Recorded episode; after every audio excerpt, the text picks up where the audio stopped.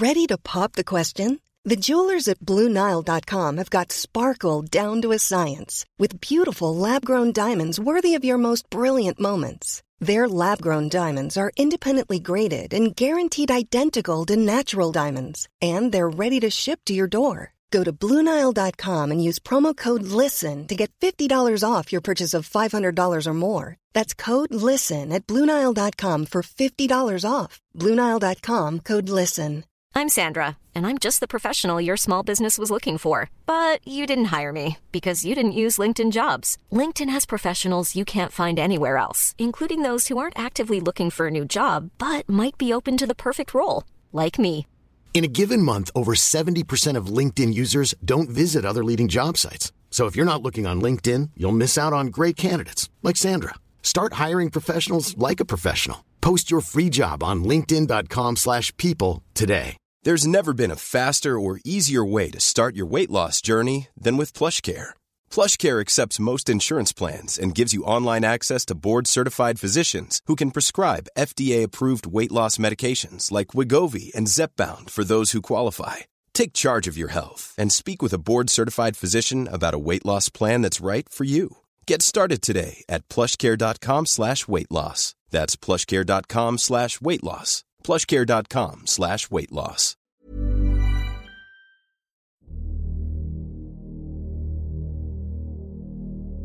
En gang på 700-tallet satte gæliske munker seil fra Irland og ut i det åpne Atlanterhavet. Hvorvidt de hadde noen anelse om hvor de skulle ende opp, eller hva de skulle finne, vet man ikke, men de hadde valgt å legge ut på reisen for å leve et eremittisk liv. Skjebnen skulle ha det til at de fant land fremfor å forulykke på havet, og landet de fant var det som i dag er kjent som Island. Men ifølge historien var det allerede noen eller noe som bodde der, og på sett og vis klarte de å finne en måte å leve i en symbiose med Sagaøyas forunderlige innbyggere. Det var i hvert fall inntil vikingene ankom. I denne episoden skal dere føre et knippe historier om Islands mystiske vesener og fascinerende folketro.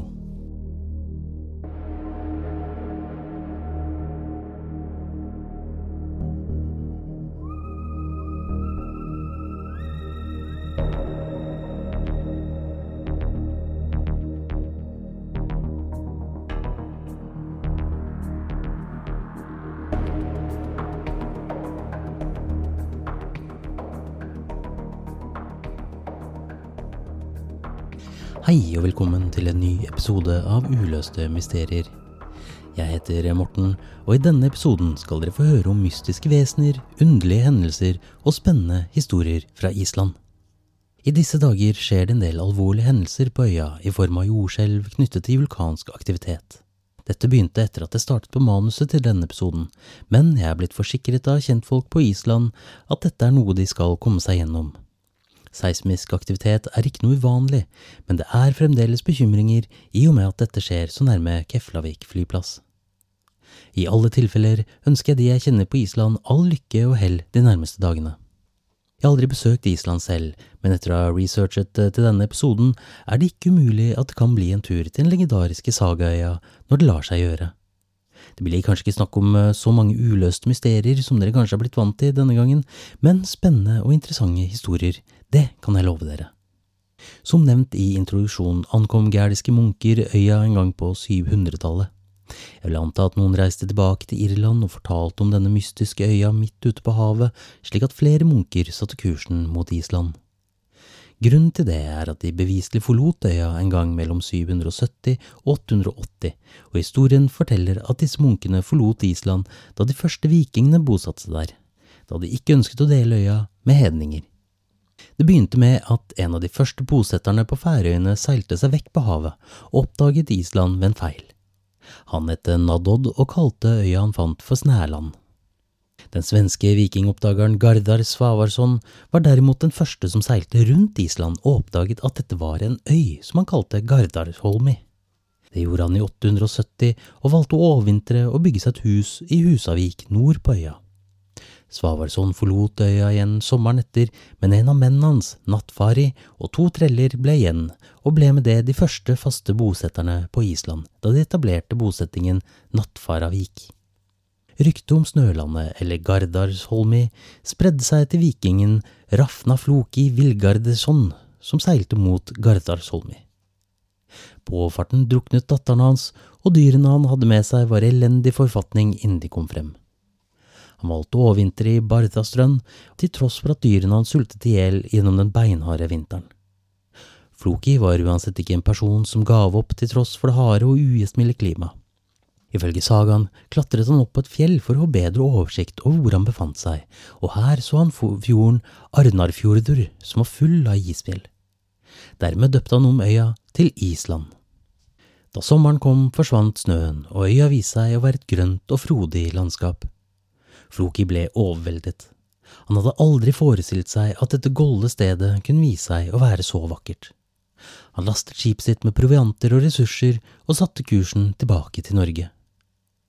Selv om Nattfari kan sies å være den første permanente bosetteren på Sagaøya, er det den norske høvdingen Ingolfur Arnason og kona hans Halvei Fjordstadottir, som ble offisielt ansett for å være de første som lagde en fast bosetting på Island. Ifølge sagaen kastet de to påler ut i vannet og bestemte seg for å bosette seg der pålene havnet på land. De seilte langs kysten og fant pålene ved en halvøy på sørvestkysten som nå er kjent som Reykjavik-Skagi og i 874 grunnla Ingolfur bosetningen Reykjavik, eller Røykvika, antageligvis oppkalt etter dampen fra geyserne i området. Det var ifølge historiene på denne tiden at de irske munkene fikk nok av hedninger som bosatte seg rundt dem og forlot øya. De kunne fint leve i fred med de mystiske vesenene de hadde observert i omtrent hundre år, men hedninger, der gikk grensa. De nye bosetterne fant raskt ut at de ikke var alene.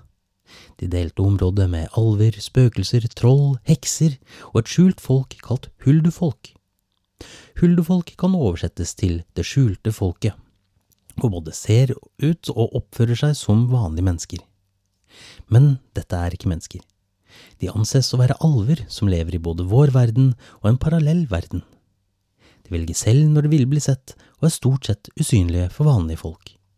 De har en forholdsvis stor kropp, grå klær og sort hår. De bor i naturlige hauger og liker spesielt godt høytider hvor de fester, drikker og spiser det de kommer over. Begrepet huldefolk dukket ikke opp før på 1800-tallet, hvor det ble et synonym til alfar, altså alver, men ikke alle islendinger er enig i at det skjulte folket og alvene på øya er av samme sort. I en undersøkelse fra 2006 sa 54% av de spurte at de ikke skilte mellom disse vesenene, men 20% sa at de gjorde det, og 26% var usikre. Men hvor oppsto myten om alver og huldefolket? Noen forskere mener at det ble slått sammen av to forskjellige typer folketro. De nordiske bosetterne, altså vikingene, trodde på alver, mens de irske og britiske trellene trodde på feer, også kjent som det gode folk eller the wee folk, altså det lille folket. I irsk folketro er det gode folket feer som lever blant oss mennesker, men de er utrolig vanskelig å se. De beveger seg i ett med naturen og er mye raskere enn hva vi mennesker kan oppfatte.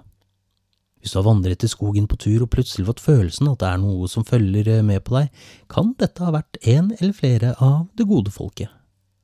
De er nysgjerrige av natur og liker å observere mennesker på avstand. Dersom de ikke lenger kan gjemme seg i ett med trær og buskas og lignende, så forsvinner de til en parallell verden som vi mennesker ikke kan oppfatte. Skulle du være så heldig å se en av disse feene, vil du enten se at de ser menneskelige ut, men med litt annerledes hudfarge og underlige klær. De kan enten være små i størrelse, eller være like store som et normalt menneske. Men hva enn du gjør, dersom en fe spør om navnet ditt, må du aldri gi den ditt fulle navn. Gi dem heller et oppdiktet navn eller et kallenavn. Hvis den får hele navnet ditt, vil feen få makt eller i det minste delvis kontroll over deg. For vikingene var alvene og feene to forskjellige vesener, men i mer moderne tid, dvs. Si fra 1800-tallet og utover, begynte disse to å blandes til huldufolk. I de fleste tilfeller levde både vikinger, feer og alver i fred og ro sammen med hverandre. De respekterte hverandres grenser, og en gammelsk islandsk skikk sier at man aldri skal kaste en stein, da den kan treffe en av huldufolket. På tusentallet ble Island kristnet, og kirken forsøkte å overbevise islendingene om at dette skjulte folket var nedstammet fra Adam og Eva, hvor disse vesener som Gud ikke ønsket å se, da de var skitne og onde. Andre folkefortellinger basert på kristendommen fortalte at dette folket var falne engler dømt til å leve på et plan mellom himmel og helvete vi mennesker ikke kunne oppfatte. En historie fra 1100-tallet eller 1500-tallet, her sier forskjellige kilder litt forskjellige årstall, forteller om en biskop og en sheriff som forbød dansing, fest og moro.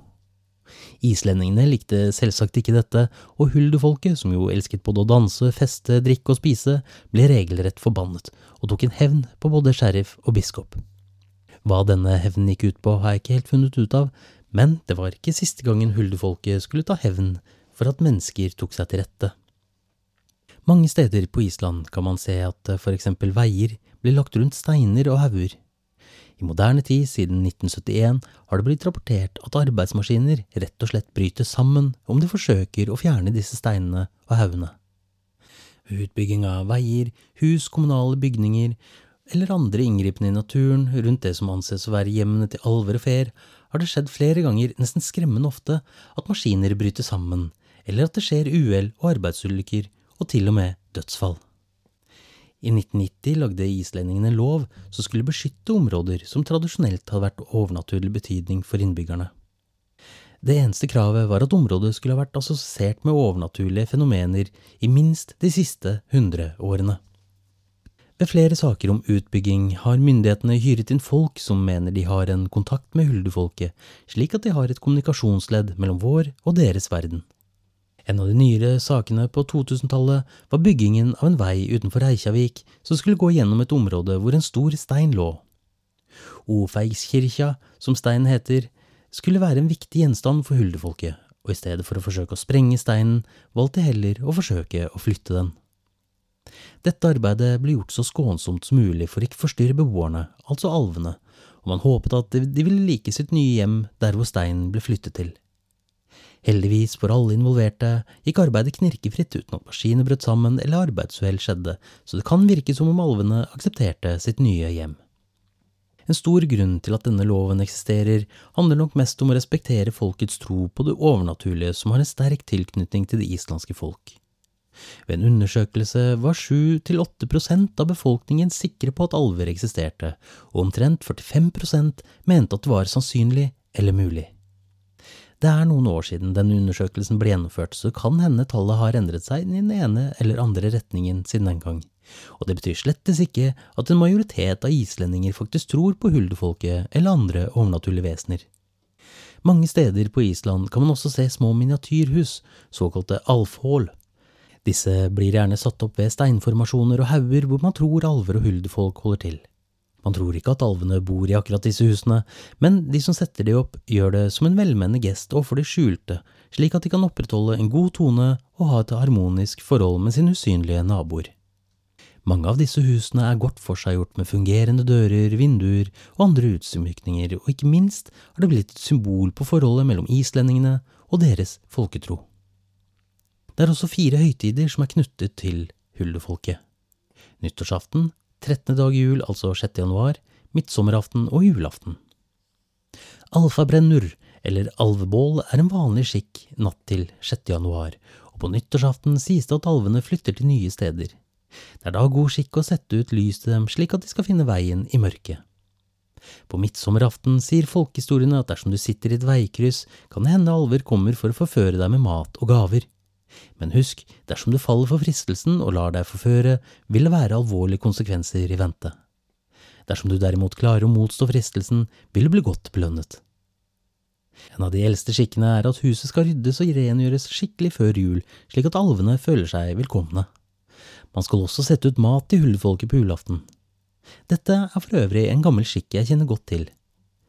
Bestemoren min fortalte meg om de underjordiske da jeg var liten.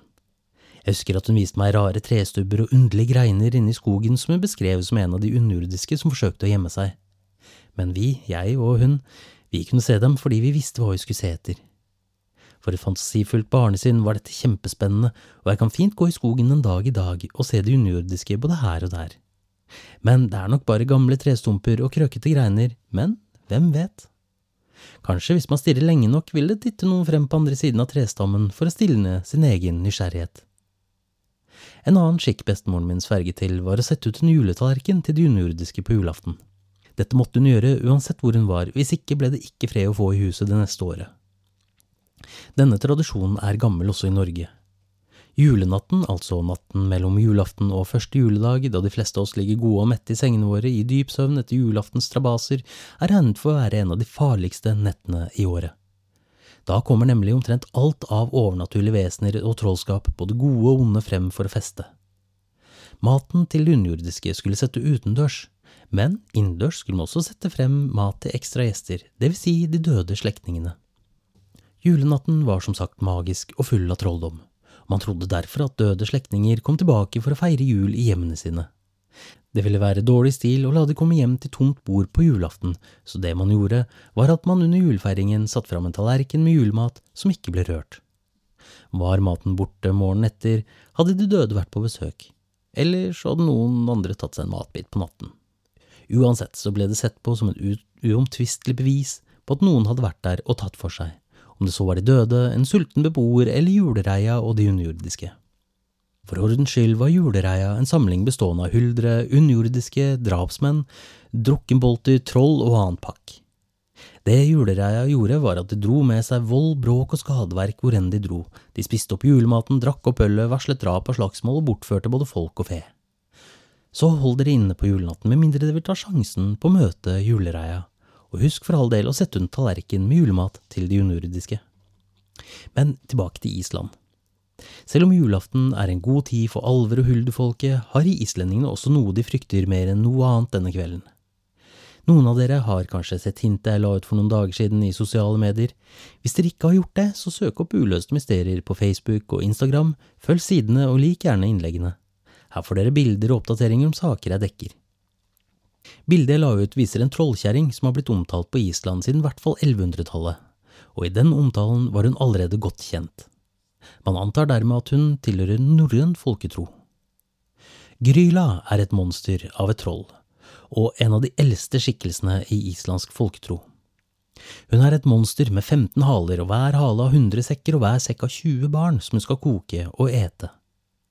Hun er mye høyere enn et vanlig menneske, hun har klover til føtter og horn på hodet i tillegg til abnormalt lange armer. Gryla har i tillegg en bemerkelsesverdig god hørsel og kan høre barn på flere kilometers avstand. Hver jul kommer Gryla ned fra fjellene der hun bor, for å fange slemme barn som hun putter i sekkene sine, og sånn sett kan hun minne litt om djevelskikkelsen fra Østalpene, Krampus. Jeg skal ikke så nevne mye mer om Krampus i denne episoden, men hvem vet, kanskje jeg får høre noe mer om han nærmere jul. Grylas sult er umettelig, og uansett hvor mange barn hun setter til livs, demper aldri sulten hennes. Gryla har vært gift med flere forskjellige grusomme troll opp gjennom tidene, men mest kjent er kanskje Lepaludi, som hun har 13 barn med.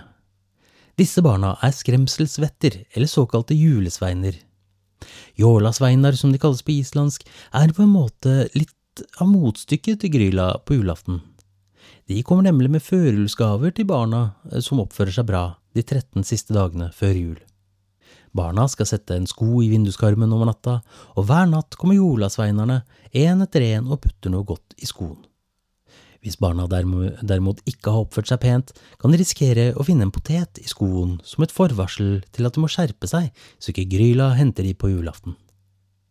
Du kunne også finne på sprell og pek mot barna de besøkte, men stort sett var dette uskyldige rampestreker, litt som den moderne rampenissen i dag. Men for de voksne kunne de skape trøbbel. Stekkjastaur hadde trebein og plaget sauene på gården. Giljagaur stjal skummet fra melken til kuene. Stufur var den korte stadig og stjal stekepanner slik at han kunne spise de brente restene. Svårusleker stjal lange treskjeer som han slikket på. Pottaskefil stjal mat fra potter og kar. Askaleiker gjemte under sengene til folk for å senere kunne stjele askur, en type tallerken som brukes til alle måltider, slik at hun kunne spise maten som var igjen. Hurthaskeler var den mest bråkete og slamret med dører for å skremme beboerne i husene, aller helst om natten. Skyrgamur gomlet i seg skyr, som gjerne brukes i dessert på Island. Bygnakræker gjemte seg oppunder takhimmelingen og stjal røkte pølser. Gluggagagger tittet inn vinduer for å plage folk i hjemmene deres og for å se om det var noe å stjele. Gattathefur snuste under dørkarmene litt som en hund, og den lyden kan fort bli høy. Dette gjorde han for å snuse opp et tradisjonelt brød som kalles laufbrauth. Krettkråker brukte en kjøttkrok for å stjele kjøtt, og Kertasniker var den siste som kom på besøk. Han fulgte etter barn for å stjele lysene deres. Før i tiden var stearinlys laget av fett og var dermed spiselig, noe Kertasniker elsket. På julaften la barna gjerne et lys i skoen sin for å få noe ekstra godt fra han. I tillegg har de en stor svart katt som heter Jolakattor. Denne katta kunne slemme barn bli fòret til dersom Gryla ikke åt dem selv. I tillegg var det viktig å få nye klær før julaften. Det hadde ikke så mye å si hva du fikk, et par sokker var nok, for hvis du møtte på denne sorte katta uten et nytt klesplagg, så slukte den deg. Gryla var også beryktet for å ta seg inn i hjemmene til folk for å så spise barna mens de lå i sengene sine, og det samme var hennes 13 barn. Det kommer ganske enkelt an på hvilken historie man velger å tro mest på. Gryla, Leppalaudi, katta og de 13 julesvennene hennes bor i en hule ved et merkverdig lavområde nord på Island. Områdets navn betyr direkte overslatt Mørke slott, og på islandsk blir det Dimmuborger. Mange har sikkert hørt om det norske symfoniske black metal-bandet med samme navn, som ble startet av Stian Sjagra Thoresen, Sven Atle Silenås Kopperud og Ian Kenneth Tjodalv Åkesson i 1993. De hentet navnet sitt fra denne lavaformasjonen, dette mørke, naturlige slottet nord på Island. Ifølge islandsk folketro er Dimmuborgir et område hvor overnaturlige krefter er særdeles sterke, da området er bindeleddet mellom vår verden og det infernalske riket. I islandsk kristen tro ble dette forklart med at det var her Lucifer landet da han ble kastet fra himmelen, og dermed skapte en port direkte til helvete. Det er dermed kanskje ikke så rart at Dimborger er en av Islands mest besøkte turistattraksjoner og sted for innspillinger av filmer og TV-serier som for eksempel Game of Thrones. Men Dimborger er ikke det eneste hjemmet til troll på Island. Mange fjellområder og vakre naturomgivelser er hjem for disse skapningene, noen vennligsinnede og andre ondskapsfulle. En av dem er Haifoss-trollet. Haifoss-trollet var kjent for å fiske laks ved fossen, og hun truet de som kom for nærme. En historie om trollet handler om en gjeng reisende som fant ut at det var en god idé å overnatte ved elven i nærheten av fossen. En tenåringsgutt i følget gjorde den tabben at han kastet en stein ut i vannet, noe trollet så og ble svært krenket av dette, da hun mente at dette var hennes eiendom.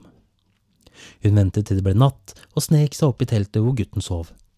Der tok hun tak i beinet til gutten og forsøkte å slepe han med seg.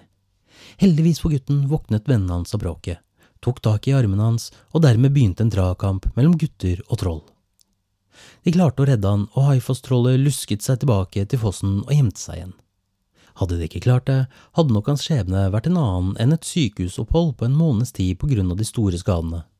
I stedet hadde han nok blitt drept og spist av trollet, slik mange andre historier på Island kan fortelle om. Men det er ikke bare helvetes porter og naturen på Island som voktes av mytiske vesener, også selve øya er voktet av fire naturånder kalt landvetter. Ifølge Olav Tryggvasons saga i Heimskringla hadde kong Harald Blåtann av Danmark store ambisjoner og planer om å invadere Island. Han hadde en trollmann, eller seidemann som det kaltes, som fikk i oppdrag å undersøke øyas forsvar. Seidemannen tok formen til en hval og svømte fra Danmark til Island for å finne øyas svakheter, slik at kongen lett kunne invadere. Han kom til øya, merket han at han var omgitt av et slags kraftfelt, men kom seg gjennom.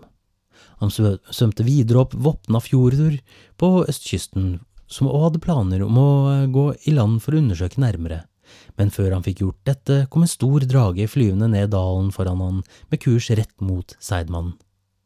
Med dragen fulgte det slanger, insekter og krypdyr, og som alle spyttet gift mot han. Seidmannen svømte ut på sjøen igjen og forsøkte eh, seg på nordkysten, ved Eiafjordur svømte han nok en gang mot land. Denne gangen ble han møtt av en enorm fugl, så stor at vingetuppene berørte fjellsidene på hver side av dalen, med mange fugler av alle størrelser som fulgte etter. Igjen måtte Seidmannen trekke seg tilbake og forsøkte seg på vestsiden av øya i stedet. Han svømte inn Breithafjordur, hvor han ble møtt av en gigantisk okse som brølte mot han med mange naturånder som fulgte etter den. Nok en gang svømte Seidmann ut på sjøen igjen og forsøkte seg på sydsiden, men her ble han møtt av en fjellkjempe, eller en jotne, og jotnen var så stor at hodet hans ruvet over fjelltoppene, og i nevene hadde han en jernkjepp. Rundt han fulgte mange andre mindre jotner, og nok en gang måtte Seidmann flykte. Han fant ingen andre plasser hvor Langskip kunne legge til utenom disse fire plassene, og dermed vendte han slukøret tilbake til kongen, som gav opp invasjonsplanene sine i frykt for å måtte kjempe mot disse fire naturåndene som beskyttet Island. Dragen Dreki, ørnen eller griffen Gammur, oksen Grithungur og kjempen Bergrisi er de fire landvettirene som beskytter Island, og disse kan man finne på blant annet landets våpenskjold, på mynter og på lagmerket til fotballandslaget. I 2017 viste to av beskytterne seg på nattehimmelen over Island i form av nordlys.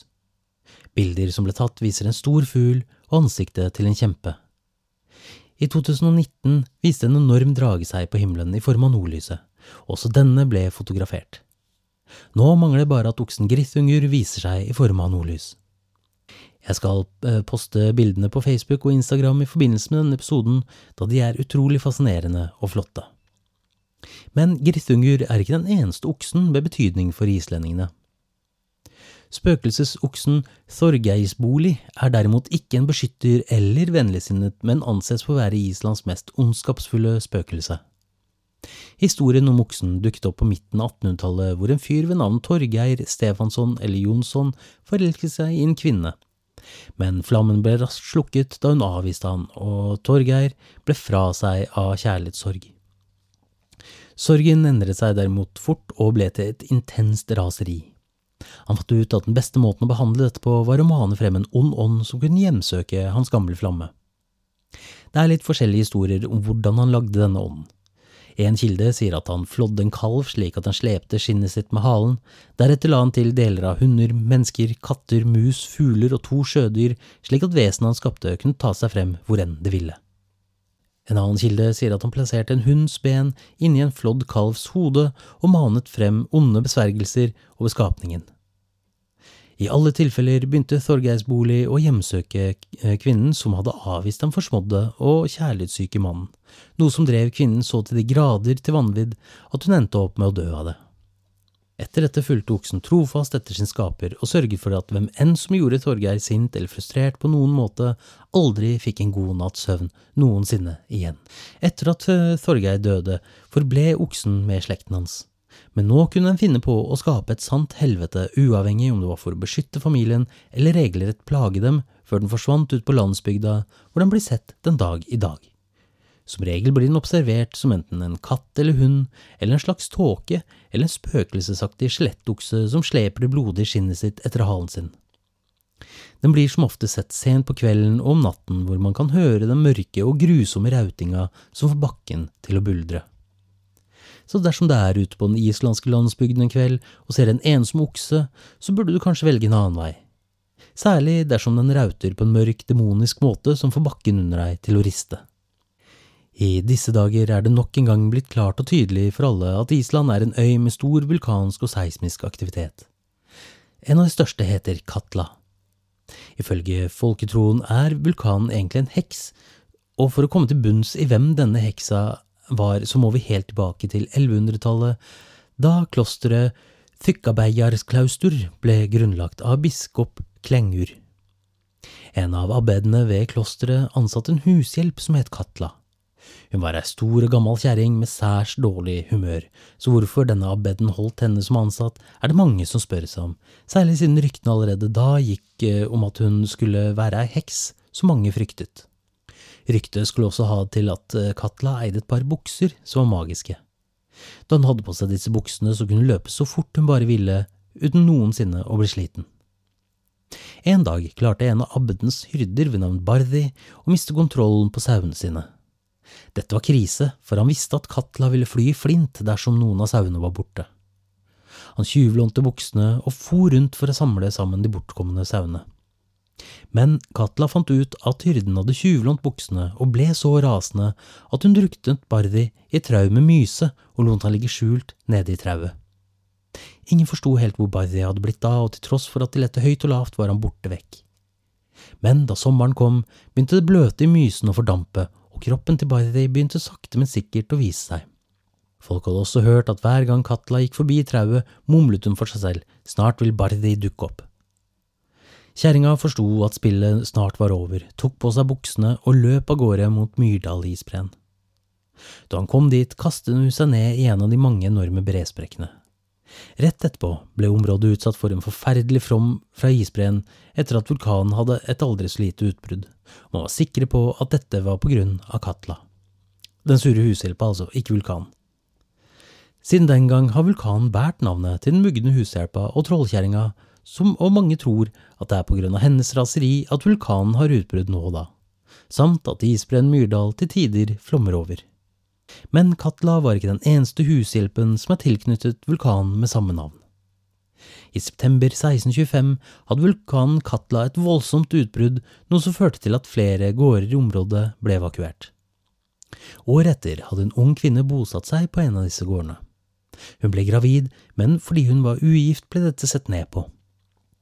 Hun skammet seg så mye over tilstanden hun var i, at hun forlot barnet sitt ved vulkanen etter at hun hadde født. Men hun ble overveldet av anger og vendte tilbake for å finne barnet. Hun fant det og tok det med seg hjem, men ble advart av de rundt henne at dette barnet slettes ikke var hennes. Huldufolket er nemlig litt som de underjordiske her i Norge. Noe de gjerne gjør dersom de får sjansen, er å stjele barn fra krybber, og hvor enn de kan få tak i dem, for så å bytte de ut med en av sine egne. Disse barna kalles byttinger og kan noen ganger være ondskapsfulle vesener. Ifølge historien viste at kvinnens sønn var en bytting, og da han ble 13 år, drepte han kvinnen mens hun sov, og forsvant for så å aldri bli sett igjen. Men det er flere gårder på Island som har noe mørkt og mystisk over seg. En av dem er en gård som heter Myrka, som betyr mørke. På denne gården bodde en diakon som hadde en kjæreste ved navn Guthrun. Hun bodde på andre siden av elven Horga, på en gård som het Bægisa, og var hushjelpen til pastoren som bodde der. En dag før jul satte diakonen seg på hesten sin Faksa og rei av gårde for å møte Gudrun, for å spørre henne om hun ville feire jul sammen på Myrka. Hun sa ja, og de avtalte at han skulle komme og hente henne på julaften, og sammen skulle ri tilbake til gården for julefeiringen. Julaften kom, og diakonen dukket opp som avtalt. Gudrun løp ut for å møte han og hadde knapt fått en arm inn i jakken sin idet hun kassa på hesten og satte seg bak diakonen, og de for av gårde i en lynende fart. Diakonen hadde på seg en hatt og et skjerf som skjulte hodet og ansiktet hans, men da de nådde elven, snublet hesten litt, og hatten hans falt av. Gudrun, som satt bak, så rett på den hvite, skinnende hodeskallen til diakonen, godt opplyst av måneskinnet. Ifølge historien sa diakonen følgende, og dette er på islandsk, så for unnskyld hvis jeg uttaler det veldig feil. Manin lythur dauthin rithur, ser du ekki vitan blett, ich nakka minum garun garun. Oversatt så blir dette noe som månen lyser, døden rider, ser du ikke den hvite flekken bak i hodet mitt, garun garun. Gudrun var antageligvis stiv av skrekk, og de snakket ikke mer sammen før de nådde Myrka, hvorpå diakonen ba henne vente mens han satte vekk faksa i stallen. Diakonen kalte så på Gudrun og ba henne bli med bort på kirkegården tilknyttet gården. Her så hun en åpen grav, og før hun skjønte hva som skjedde, forsøkte diakonen å dra henne ned i graven. Gudrun hadde heldigvis ikke tatt på seg jakka skikkelig og klart å sno seg ut. Diakonen falt ned i graven med jakken hennes, og hun så at hullet fylte seg igjen. Hun forsto straks at diakonen måtte ha dødd, og at dette var gjenferdet hans. Hun løp skrekkslagen til kirkeklokkene og rang disse slik at folk kunne komme til unnsetning. Det var først da hun fikk vite om den grufulle skjebnen til kjæresten. Dagen han hadde besøkt henne og avtalt julefeiringen, hadde skjedd noe på hjemturen. Været hadde slått om, og isen i elven hadde begynt å løsne. Diakonen hadde forsøkt å krysse over en bro, men isen hadde dratt med seg broen, og diakonen som falt, slo hodet sitt og druknet. Han ble funnet på motsatt side av elven hvor Gudrun bodde, og siden broen nå var ødelagt og isen ikke var fast nok til å krysse elven, fikk ingen gitt beskjed. Hun hadde riktignok blitt veldig mistenksom da han hadde kalt henne Garun i stedet for Gudrun, og grunnen til dette var at spøkelser ikke kan si ordet Gud. Men diakonen hvilte ikke i graven sin. Han fortsatte sin forsøk å dra kjæresten sin ned i graven, og folk måtte passe på henne hver natt. Etter 14 dager uten søvn ble endelig en trollmann fra Skagafjordtur tilkalt. Trollmannen klarte å få spøkelset ned i bakken igjen, og en stor stein ble plassert over graven. Diakonen fant tydeligvis endelig sin siste hvile, ondskapen ble fordrevet og hjemsøkingen opphørte. Og dersom du besøker Myrka en gang, kan du fremdeles se steinen ligge der den dag i dag. Men jeg ville vært forsiktig med å tukle for mye med den, for plutselig kan man risikere at diakonens gjenferd slippes løs nok en gang. Trollmenn var det nok av på Island. Faktisk var det ganske mange, tatt øyas størrelse og befolkning i betraktning. I 1652 ble den første mannen beskyldt for trolldom brent på bålet på Island. Han het Jon Rognvaldsson og var beskyldt for å mane frem spøkelser og de døde fra gravene sine slik at de kunne skade fienden hans. I 1654 ble enda tre menn dømt og brent på staken for hekseri, og frem til 1690 foregikk det en heksejakt på Island hvor 16 menn og én kvinne ble brent levende under det som kalles brennuøldin, eller den brennende tidsalder. Men det var kanskje ikke så rart at det tok litt av på den tiden. En av de merkeligste og obskure gjenstandene man kan se på Island, er det som kalles for nabrok, eller likbukser. Det er rett og slett bukser som er laget av huden til et dødt menneske. Nå er riktignok likbuksene som er stilt ut på et museum på øya heldigvis bare en rekonstruksjon, men ifølge folkehistoriene ble disse buksene faktisk laget en gang på 1600-tallet. For å lage disse noe spesielle buksene må man først inngå en pakt med en venn, som sier at når vennen avgår med døden, naturlig må vite, så har den som skal lage buksene tillatelse til å grave opp kroppen etter begravelsen. Deretter skal huden på underkroppen flås av, men uten at det blir laget noe hull eller sprekker. Dermed sitter man igjen med et par hudstrømpebukser med rubel og bit av alt som følger med på underkroppen. Og ja, jeg mener alt. Når man endelig har klart dette kunststykket, skal man ta på seg det som nå kan kalles en annen manns nedre deler, det vil si ta på deg den noe gufne hudbuksa rett utenpå din egen bare hud.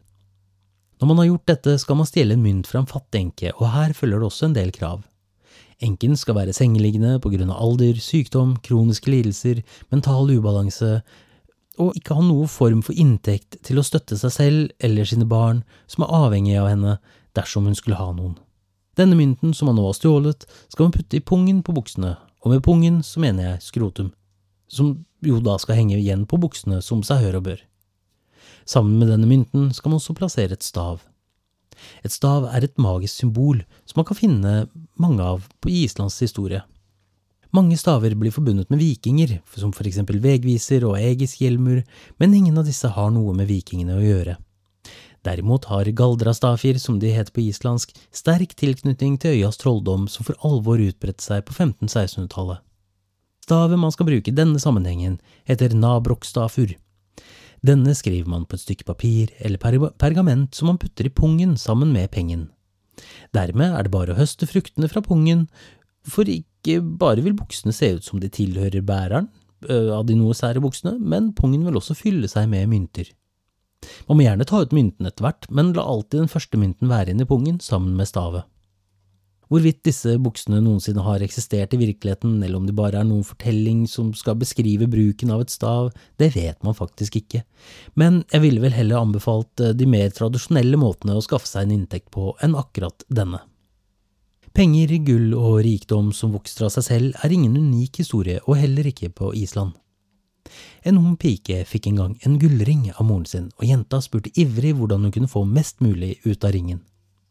Moren hennes fortalte om en mytisk måte som kunne få gullet til å vokse. Hun skulle finne en eh, stor og sort snegle, legge snegle om ring sammen i et skrin, og deretter ville gullet vokse. Jenta fikk gull og diamanter i øynene og løp ut for å finne den største sorte sneglen hun kunne finne. Det klarte hun, og i stedet for å legge den i et skrin, fant hun heller en stor kiste hvor hun la både snegle og ring oppi.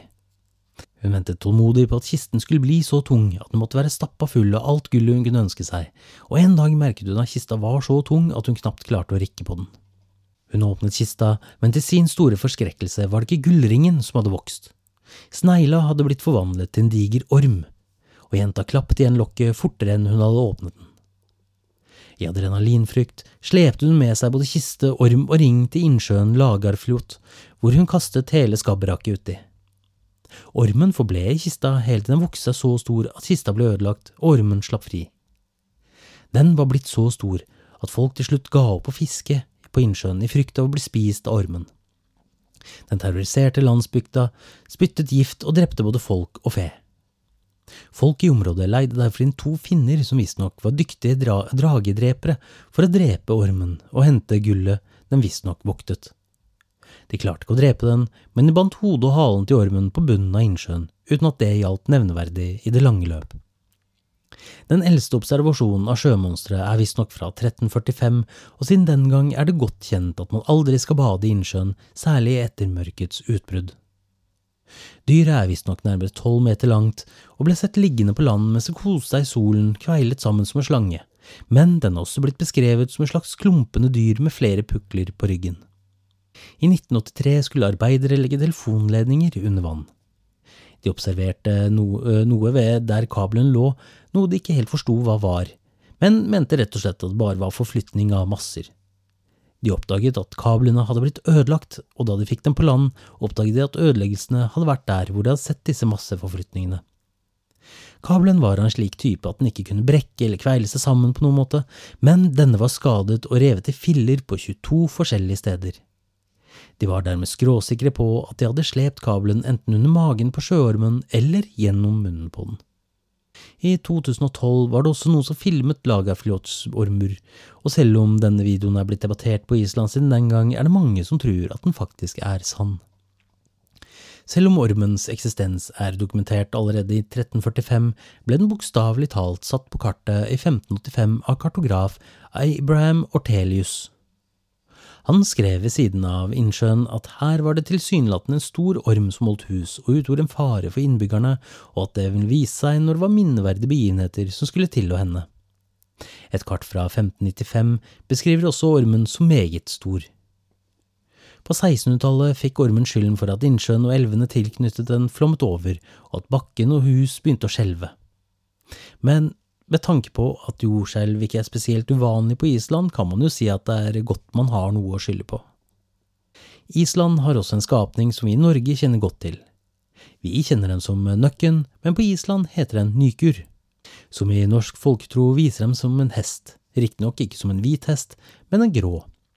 Hovene er vendt bakover, og den vil prøve å lokke deg til å ri på den. Dersom man velger å stole på hesten og ta det som man uh, kanskje forventer blir en uh, hyggelig ridetur gjennom Islands natur, vil man fort bli både overrasket og skuffet. Hesten setter nemlig fart mot nærmeste elv eller vann og stuper uti. Der forvandler han seg til sin ekte form og vil dra deg under vannet og drukne deg. Det kan med andre ord tyde på at en liten nøkk var blindpassasjer da vikingene seilet fra Norge til Island for over tusen år siden. Det er kanskje ikke så mange uløste mysterier å ta tak i i denne episoden, men husk for all del å aldri kaste stein blindt ut i naturen eller i vann, da du fort kan treffe en alv, en underjordisk eller en av de skjulte folkene, eller verre, fornærme et troll. Husk alltid å sette ut en juletallerken på julaften, ikke gå ut natt til første juledag, og ikke bad i enkelte innsjøer etter mørkets frembrudd og blir du invitert på julefeiring av din kjære, kan det være lurt å undersøke om vedkommende klarer å si ordet Gud. Island er i disse dager utsatt for jordskjelv og vulkansk aktivitet nok en gang, og det er kanskje viktigere å håpe mer nå enn på lenge at oksen Gritingur viser seg på natthimmelen for igjen beskytte Islands innbyggere. Takk for at du lyttet. Vi høres.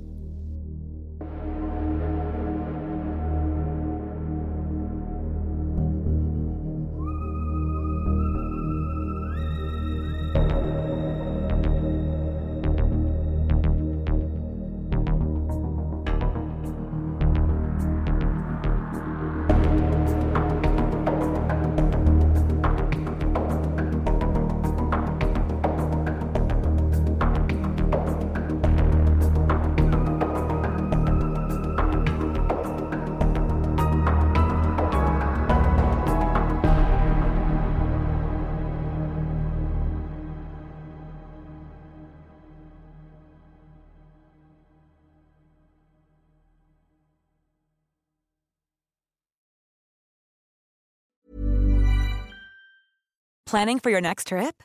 Elevate your travel style with Quince. Quince has all the jet setting essentials you'll want for your next getaway, like European linen, premium luggage options, buttery soft Italian leather bags, and so much more. And is all priced at 50 to 80% less than similar brands. Plus, Quince only works with factories that use safe and ethical manufacturing practices. Pack your bags with high-quality essentials you'll be wearing for vacations to come with Quince. Go to quince.com slash pack for free shipping and 365-day returns.